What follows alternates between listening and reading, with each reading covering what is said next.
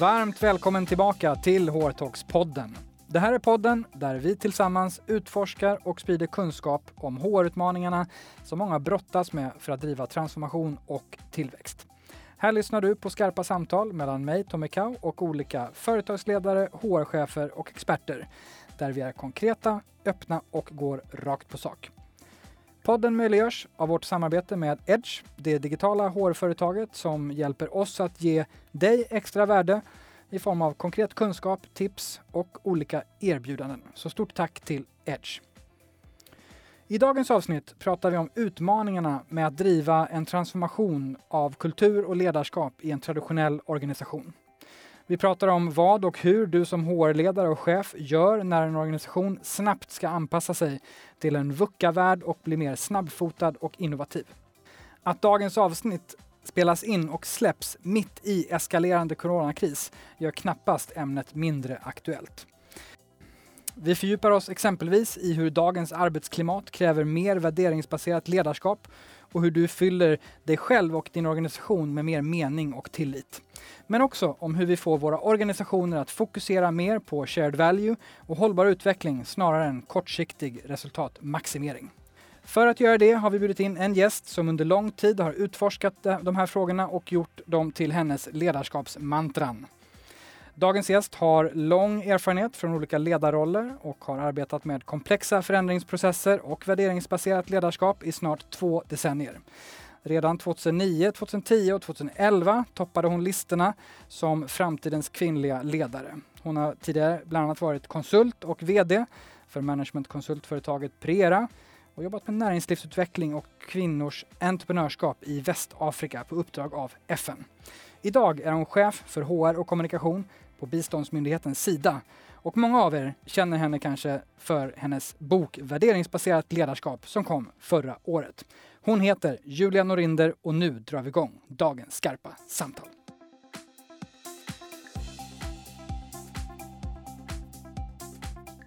Hjärtligt välkommen till HR Talks-podden Julia Norinder. Tusen tack, så kul att vara här. Mycket kul att ha dig här. Och idag ska vi prata mycket om transformation och ledarskap, om resan ni har gjort på Sida och resan du har gjort som både ledare och chef för HR. Men vi befinner oss också mitt i eskalerande coronakris som jag nämnde eh, med anledning av covid-19 viruset. Och eh, eftersom vi går rakt på sak i den här podden så är det också där vi börjar. Vad upplever du som ledare och idag också som chef för HR och kommunikation är den största utmaningen just nu?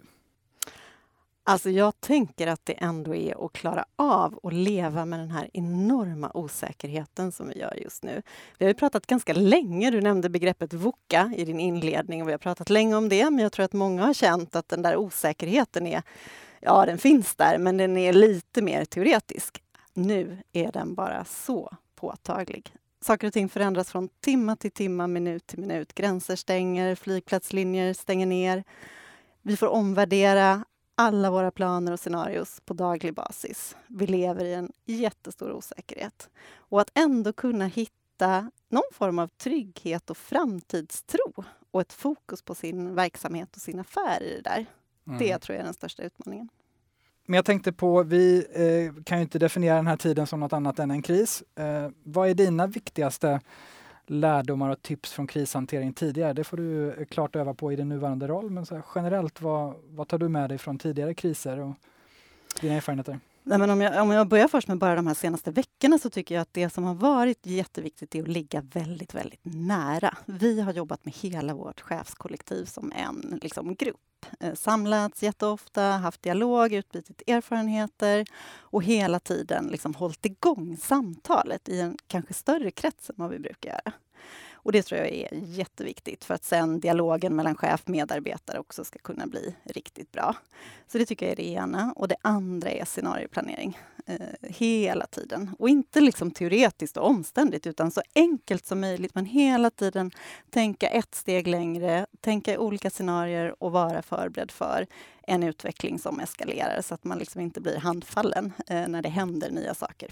Vi um eh, lämnar åtminstone tillfälligt eh, covid-19. Vi ska ju prata om transformation och ledarskap.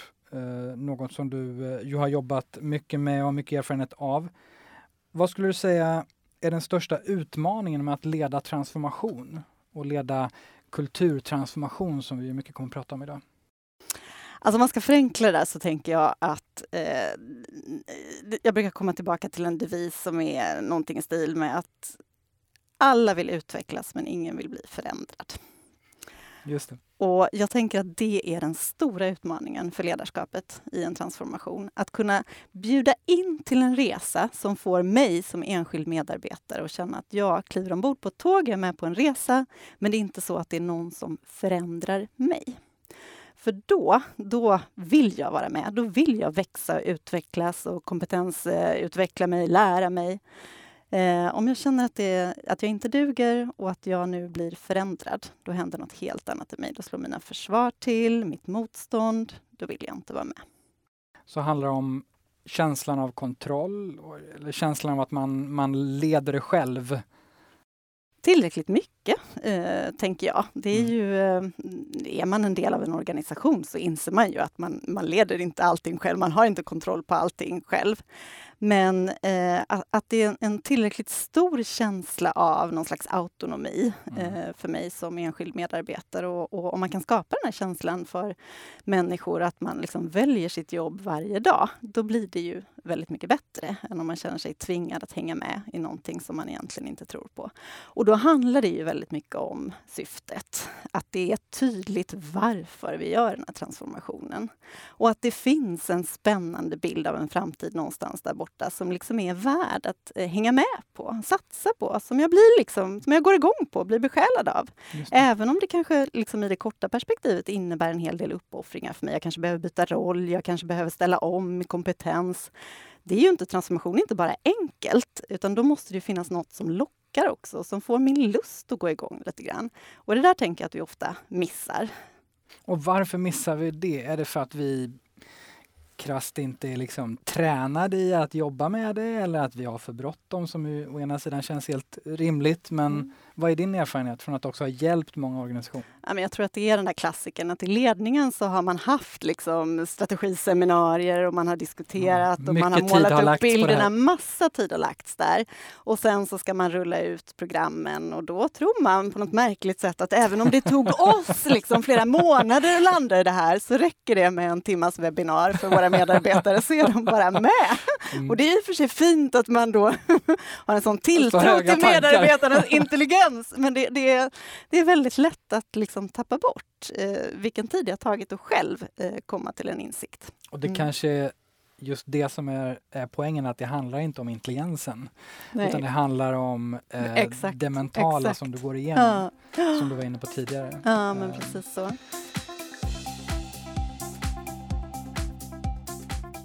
Jag tänker, upplever du utmaningen med att leda och driva transformation annorlunda som chef idag för HR och kommunikation jämfört med din tidigare roll som, som VD?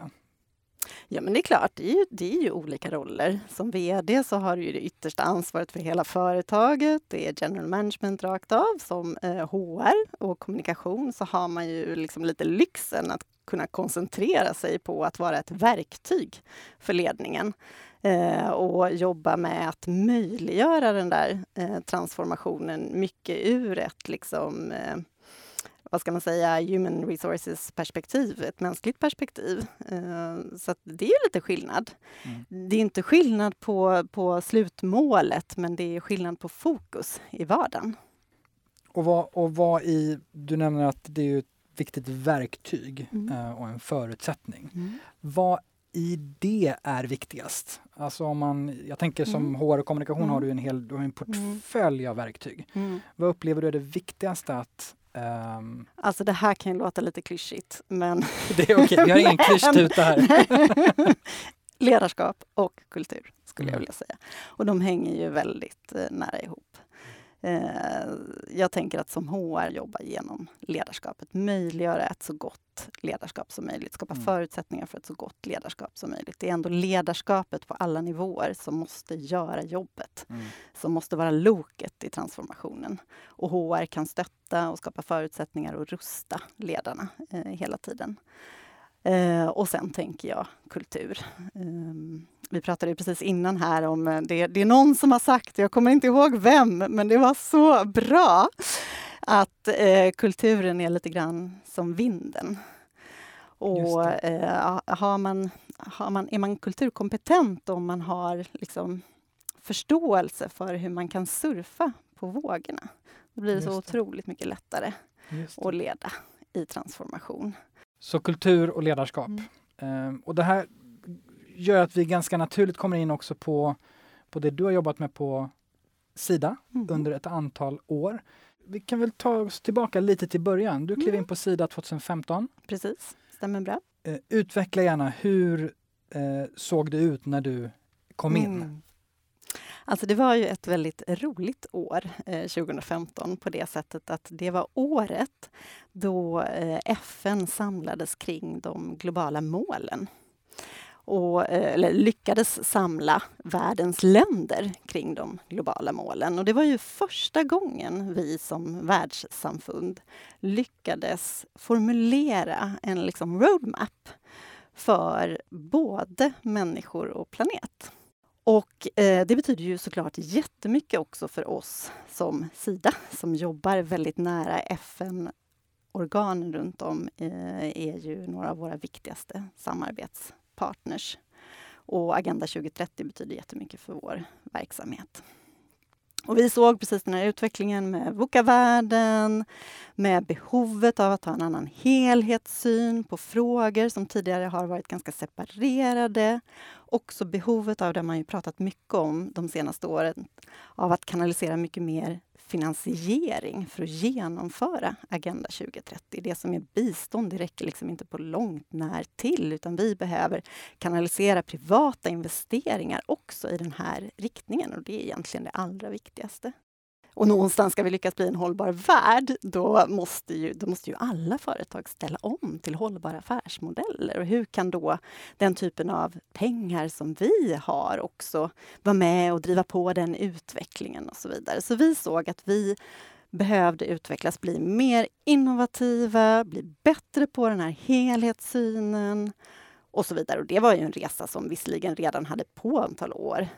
Eh, men tillbaka till 2015 så eh, ville den dåvarande generaldirektören ändå satsa extra, investera extra i ledarskap och kultur för att just kunna matcha de här nya behoven i det framväxande landskapet. Och där kom jag in kom med in ett väldigt tydligt uppdrag att arbeta med de frågorna, helt enkelt. Det här är egentligen en, i hög utsträckning då en Eh, det är en kulturtransformation. Ni har också transformerat organisationen, hur ni är uppsatta och hur ni styr och så vidare. Men eh, om vi äter elefanten i bitar, var, var började du någonstans? Jag tycker alltid att det är viktigt att arbeta faktabaserat. Eh, så en viktig del, det var att titta på liksom lite mer faktabaserat vad vi behövde stärka och utveckla i vår kultur för att matcha den målsättning vi hade i verksamheten.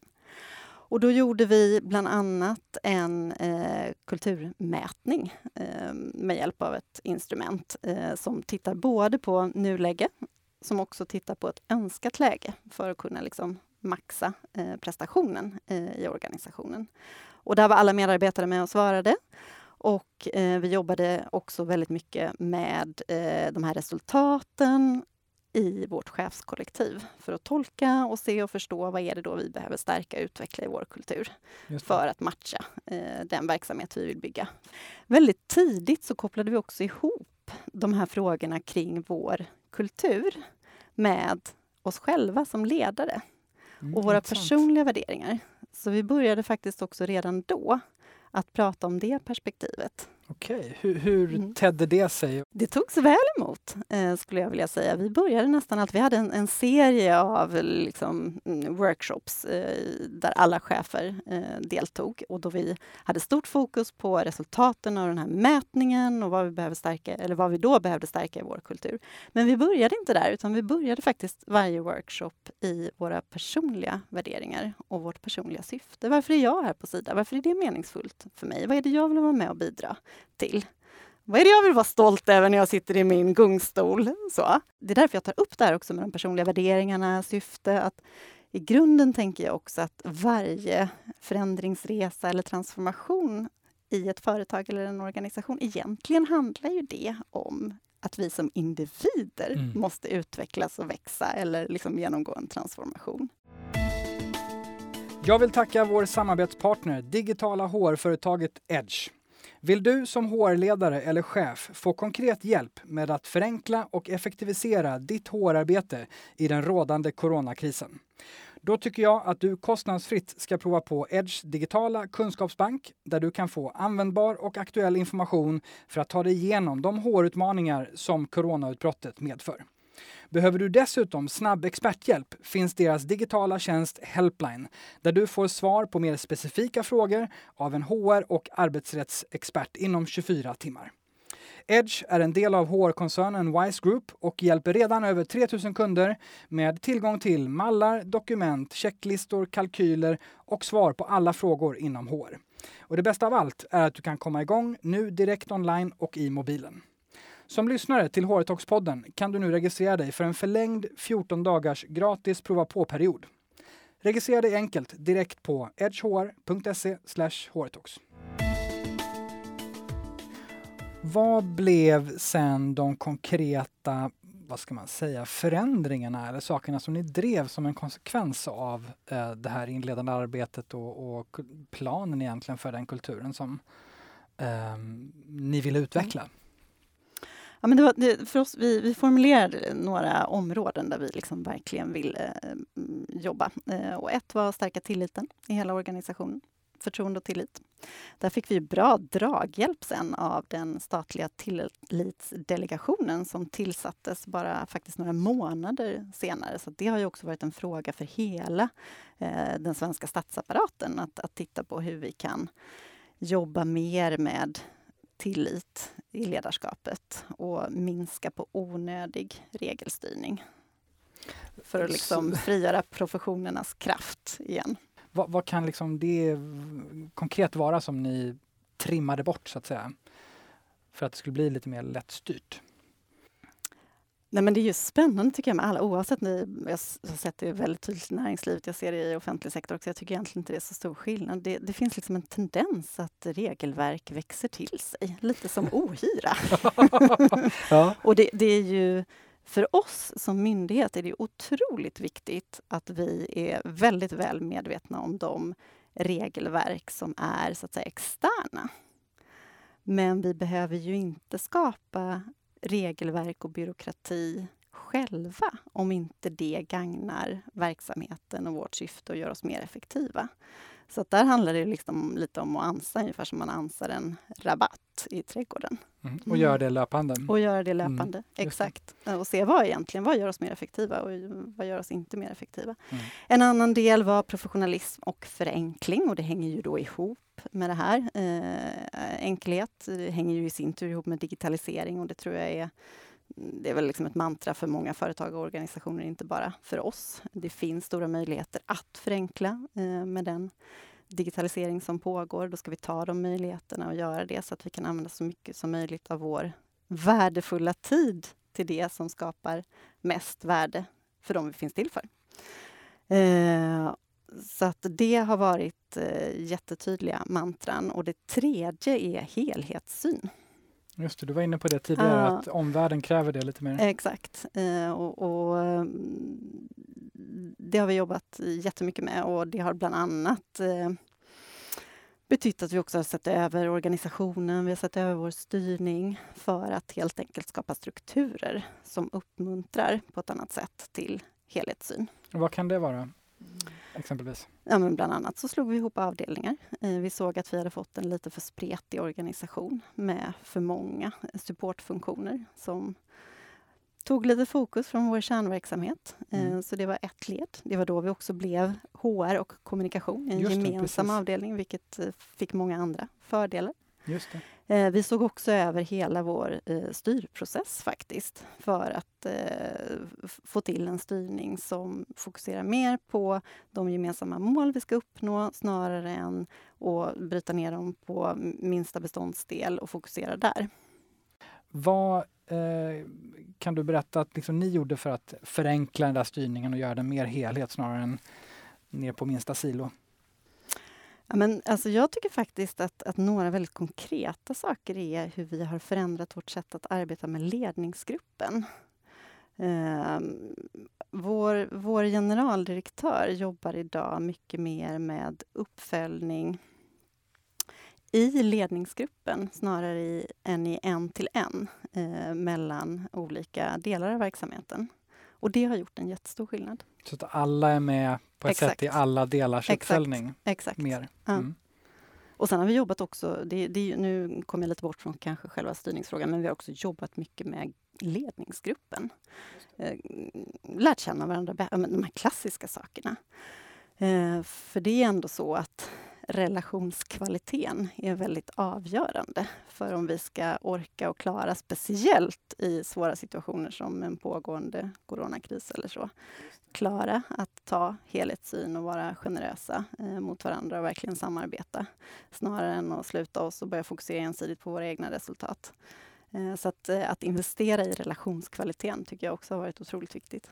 Ja, men det är ju det här klassiska och det, det, har man ju pratat om så många år, men det där är svårare i praktiken än i, eller det är svårare i praktiken än i teorin, men att liksom komma ifrån att man sitter och representerar sin affär eller sin del av verksamheten eller sin avdelning, utan att man verkligen är där för att tillsammans leda hela företaget eller organisationen. Det är liksom ett mindshift som är så viktigt och det behöver man också investera lite grann i för att få det att sätta sig. Just mm. En sak som jag eh, tyckte var så bra också när vi pratade inför det här, det var just att eh, alla som, som lyssnar och sitter där ute kan fundera på sin egen ledningsgrupp eh, på det här perspektivet att eh, om du har väldigt många supportfunktioner som sitter i ledningsgruppen så är det ju så att varje plats i ledningsgruppen tar minuter av ett ledningsgruppsmöte. Absolut. Eh, och att det var också en mm. drivkraft för att ni slog ihop vissa avdelningar. Absolut. Eh, mm. Det som är ledningsgruppen, vad lägger vi tid på där? Mm. Det kan låta väldigt krast, men det var mm. verkligen en sån kalkyl mm. eh, på liksom talartid och på fokus och eh, hur blir vi effektiva som ledningsgrupp? Ja, men då kan vi inte ha för många supportfunktioner representerade där och då blir också organisationsstrukturen viktig för att ändå få en representation in i ledningen, för det behöver ju alla delar av verksamheten. Mm.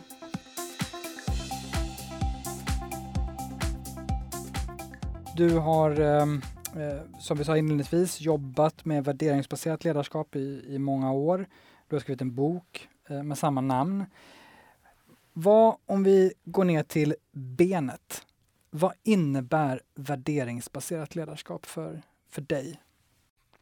Precis, jag, jag, tog ju 220 sidor på mig för att liksom bli klar med det. Ja, så att jag är glad att jag får den frågan. Vänligen summera. ja. eh, nej, och då, då handlar det väldigt mycket om ett medvetet ledarskap. Jag var inne på det tidigare också att, och det här är ju, jag ska inte säga att jag är där, det här är liksom en resa, livslång resa. Men att eh, vara medveten om varför jag som ledare i olika situationer väljer att agera på ett specifikt sätt. Och att faktiskt kunna välja. Att inte bli hijackad av sin egen stress, press, sina egna rädslor, att inte räcka till, duga, prestera, vad det nu kan vara och då eh, agera utan ett val. Och till mm. exempel spilla över sin egen ångest på andra. Utan att hela tiden kunna ta det där liksom, djupa andetaget, pausen och välja sin respons. Det är kärnan i ett värderingsbaserat ledarskap. Nej, eh, men hur gör man då? Eh, ja, där tänker jag att HR återigen har en otroligt viktig roll, för det handlar ju om att skapa eh, liksom arenor och eh, möjlighet till den här reflektionen, att helt enkelt bygga in det. Vi har ju mängder med arenor. Vi har eh, mängder med ledarskapsprogram, vi har olika typer av eh, lärandeprogram vi har processer för uh, utvecklingssamtal, allt sånt där som liksom finns i organisationen. Vi har vår rekrytering. Att få in det här perspektivet i de befintliga processerna är helt avgörande. Mm. För då kommer det liksom in i vardagen. Och vad kan ha mest effekt där tror du när du har fått fördjupa dig i det här och också driva det själv? Jag, alltså jag tror egentligen överallt. Men eh, om, man, om man ska börja, om, om, det beror ju på vad du är. Men, vi ser ju också att de, de, liksom, de, företag och organisationer som är riktigt bra på det här, de har det ju också överallt. Sy systemiskt, eh, Precis, allt bekräftar det varandra. hänger ju också väldigt mm. mycket ihop med att, att, sätta fokus på det högre syftet eller purpose och att bygga ihop det med företagets värderingar och sen hela tiden skapa en möjlighet för medarbetare och chefer att koppla ihop sitt eget syfte, sina egna värderingar med företagets värderingar och företagets syfte. Eh, och då tror jag att om, om, man, om, man börjar, om, om man inte har jobbat med det här sedan tidigare, då är ändå eh, ledarskapsutveckling jätteviktigt som startpunkt. För man måste någonstans börja öppna upp arenorna för den här reflektionen och det här jobbet kring liksom, vad är viktigt för mig och hur hänger det ihop med mitt företag och så vidare. Och gärna att jobba både med ledarskap för chefer men också självledarskap brett. Att inte glömma den sista biten. Otroligt mm. viktig. Och det är ju också en, en fantastisk potential för att stötta medarbetare i att liksom hitta fram till det här med gränssättning, prioritering, välmående, hållbarhet. Eh, ja, Alla de sakerna som också stresstestas nu, inte Verkligen, minst. att klara att sitta på distans och arbeta, det är ju, kan vara otroligt svårt mm. om man inte har ett starkt självledarskap. Så att rusta medarbetarna för den världen, mm. Definitivt. Mm. Mm. Ja, ytterligare ett av stresstesten som, som sker just nu. Um, att inte springa för snabbt på de andra lösningarna, tolkar jag det som också. Eh, det som ju man tittar i eh, sin organisation och så ser man alla processer, allting som ska göras. Att inte springa för snabbt på att ändra dem, utan att ta sig tid att jobba igenom det som du säger nu. Mm. Eh, för det vi vill gärna springa på och lösa de här grejerna Absolut. som inte funkar. Det tror jag är jätteklokt. Mm. Jag säger stort tack till dig Julia Norinder för att du ville vara med oss i HR-talkspodden. Det har varit ett sant nöje. Tusen tack. Det var ännu ett skarpt samtal i HR-talks-podden. Stort tack till dig som lyssnat och gillar du podden kan du prenumerera på den i Apple Podcast eller Spotify. Följ oss gärna på HR-talks-podden på Instagram och LinkedIn och anmäl dig till vårt nyhetsbrev så får du varje torsdag det senaste avsnittet, citat, lite reflektioner och tips och erbjudanden. Jag vill även tacka vår samarbetspartner, digitala HR-företaget Edge, som är med och möjliggör att vi kan utforska och sprida kunskap via den här podden. Hortoxpodden ges ut av Kao Company, produceras av Mediemera och du hittar all info på hrtalks.se. Nästa vecka kommer ett nytt färskt avsnitt. Tills dess, ha det bra!